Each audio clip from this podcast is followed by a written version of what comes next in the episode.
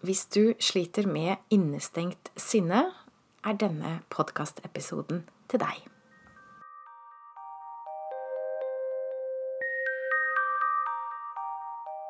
Jeg heter Line Strandvik og jobber online som personlig veileder. Så jeg har fått et spørsmål, og det syns jeg er hyggelig når jeg får spørsmål. Det var en som lurte på om jeg kunne lage en podkastepisode om innestengt sinne. Det hun skriver, er Jeg sliter veldig med innestengt sinne for tiden. Jeg går til rosenterapibehandling, og i går masserte hun nakken min og fant store muskelknuter på halsen som vil ta tid å fikse. Hun leste av kroppen min at jeg har mye innestengt sinne, og det er helt riktig. Det har vært ekstremt tøffe forhold eh, i mitt liv, så jeg måtte bite tenna sammen altfor mye. Jeg jobber med pusten, men jeg har ikke helt funnet en strategi for å få ut dette sinnet på en konstruktiv måte. Og da stenger jeg det inne. Kanskje er det bare jeg som sliter med det her. Og det er det virkelig ikke. Det er veldig mange som sliter med det her. Veldig, veldig mange.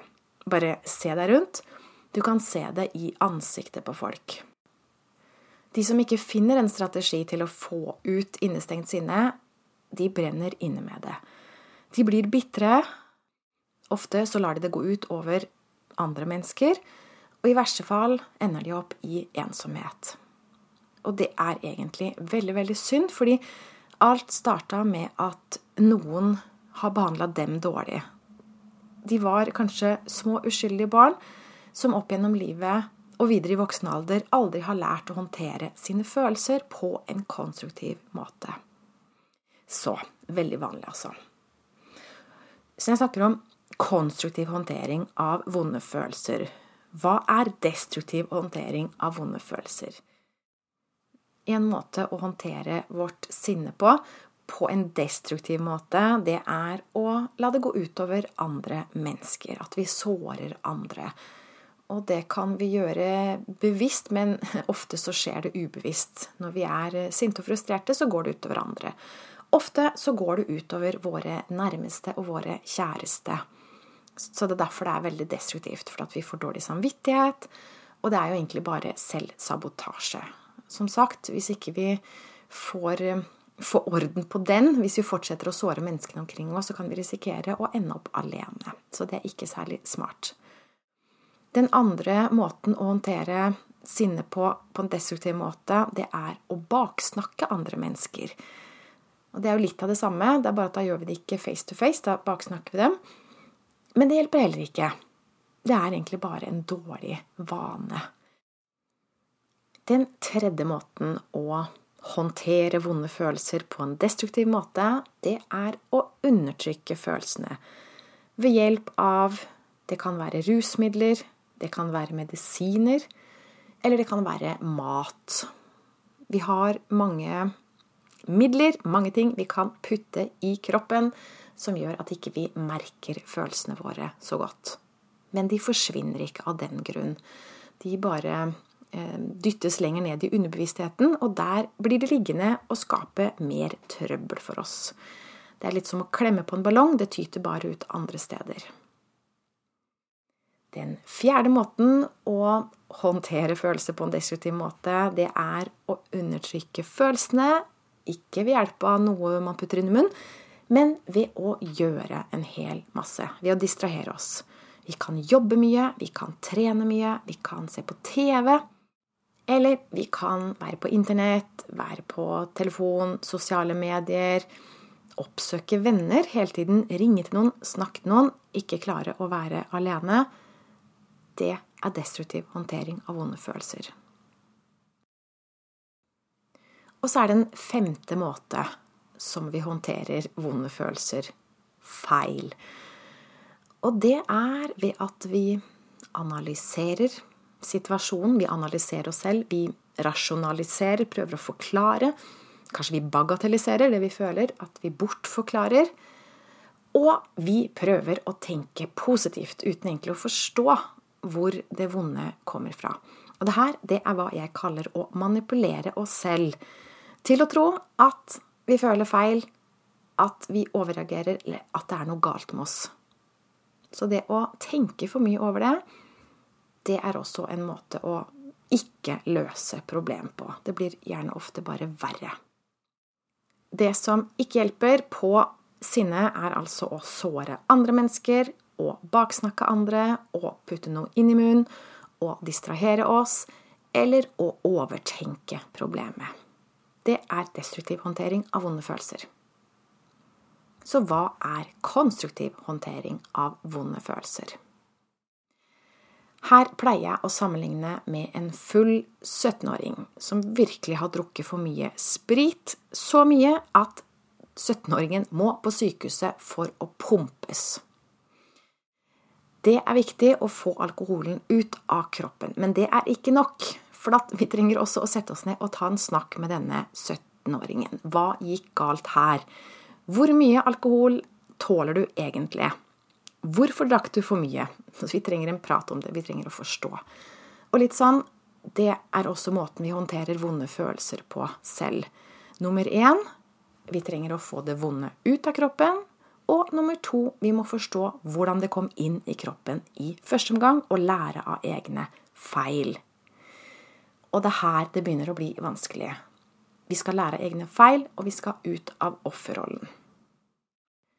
Og akkurat her er det mange som blir sittende bom, bom fast. For det første så ser de ikke sine egne feil. De er blinde for det. Men det kan også være mange andre stengsler. Noen tror at ved å se egne feil, så fritar man den andre personen for deres feil. Og det er ikke riktig. Eller så kan man tro at man ikke har noe rett til å være lei seg hvis man selv har hatt en finger med i spillet. Men det er jo heller ikke riktig. Selvfølgelig har vi lov til å være lei oss når vi ødelegger for oss selv, kommer inn i en vanskelig situasjon og har det vondt, så har vi alltid lov til å være lei oss. Og det er viktig at vi tar oss den tiden til å være lei oss. Men hvis den andre gjorde noe feil, la oss si sjefen din Hvis sjefen din gjorde noe feil mot deg, og du ikke ser hva du også gjorde feil, dvs. Si hvordan ditt feiltrinn muliggjorde det utfallet som du ikke ønska. Hvis ikke du ser din rolle i det her, så vil jo du gjøre den samme feilen igjen og igjen. Hver gang noen gjør den samme feilen som sjefen din gjorde. For det fins jo flere mennesker her i verden, så du kan møte flere sånne mennesker. Det er en tango. Hvis ikke du skifter takten, så vil du fortsette å danse denne tangoen igjen og igjen og igjen med nye mennesker. Derfor er det ekstremt viktig, helt essensiell, å se dine egne feil og endre på deg. Det er den eneste måten å komme ut av offerrollen, og det er den eneste måten å bli kvitt sinne for godt. Ditt sinne kan være berettiga faktisk så er sinne alltid berettiga. Men noen ganger så tar vi det som sagt ut på feil mennesker. Og da er det sånn at vårt sinne er berettiga, men våre sårende ord er ikke berettiga. Det er helt eh, malplassert. Sinne er alltid berettiga, og sinne er en positiv drivkraft. Sinne, det ble i sin tid etablert til å gi deg styrken til å bryte ut av en vond situasjon, til å håndtere en vond situasjon. Sinne det er en energi som gir oss styrke. Men hvis du ikke du bruker energien på riktig sted, og du blåser deg opp, så vil luften til slutt gå helt ut av ballongen.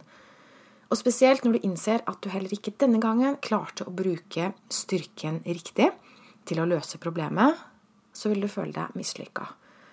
Og avmaktsfølelsen vil vokse. Som betyr at sinnet også vokser. Å være sint, det kan gi oss en eh, styrkefølelse, men det kan være en falsk styrkefølelse. Strategien altså til å få ut innestengt sinne det første du må gjøre, er å gå til kilden.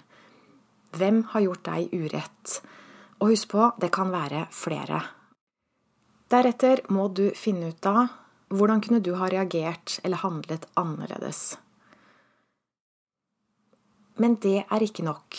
Det holder ikke at du vet kognitivt hva du kunne ha gjort annerledes. Du må også integrere det i kroppen. Så det vil si at du skal se for deg at du gjør det. Gå tilbake i tid. Spill filmen på nytt. Skap en ny scene. Omskriv historien. Se for deg at situasjonen ble løst på en helt annen måte, og føl det i kroppen. Merk effekten. Skap lettelsen i kroppen. Så gå tilbake i tid og finn alle øyeblikk hvor du ble sint. Forvandle alle episoder hvor du følte deg som et offer, til mestring og stolthet over deg selv. Som sagt så kan det være flere episoder. Og noen ganger så husker vi mest den siste tingen som har skjedd. F.eks.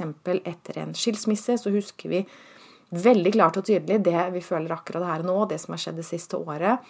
Men det er ofte nødvendig å gå lenger tilbake i tid og se at det er et mønster som har vært i livet i lengre tid. Det hjelper altså ikke bare å puste og jobbe med kroppen fysisk. Det er også nødvendig å lære å bli klokere. Og det er ikke alltid så lett å gjøre det her alene. Men mitt tips er be om hjelp fra noen som har vært igjennom noe av det samme som du har vært igjennom. Som har blitt klokere, og som kan dele litt av sin livsvisdom med deg. Og få deg til å tenke annerledes om det som skjedde. Så det var det. La oss repetere. Hva er destruktiv håndtering av vonde følelser? Nummer én såre andre. Nummer to baksnakke andre. Nummer tre putte noe inn i munnen. Nummer fire gjøre noe. Og nummer fem tenke på det. Konstruktiv håndtering av vonde følelser derimot er å finne kilden til sinne og forvandle alle episoder hvor du følte deg som et offer. Fra offer til mestring.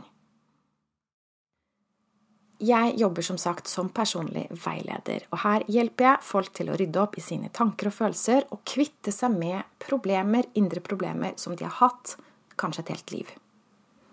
Trenger du også en slik hovedrengjøring i kropp og sinn? Start med å bestille en gratis og uforpliktende avklaringssamtale med meg. Det kan du gjøre på min webside linestrandvik.no klarhet. Alt kan løses når du vet hvordan og når du gjør det som skal til. Ingen grunn til å leve resten av livet med innestengt sinne. Få det ut. Tusen takk til deg som stilte spørsmålet. Og hvis du som lytter nå tenker at hm, jeg har også et spørsmål som jeg kunne tenke meg at Line besvarte i form av en podkast.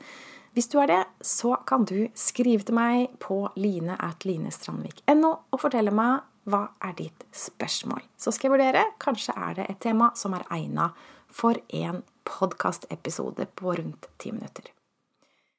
Så det var det. Tusen takk for at du hørte med. Jeg ønsker deg en fin dag videre.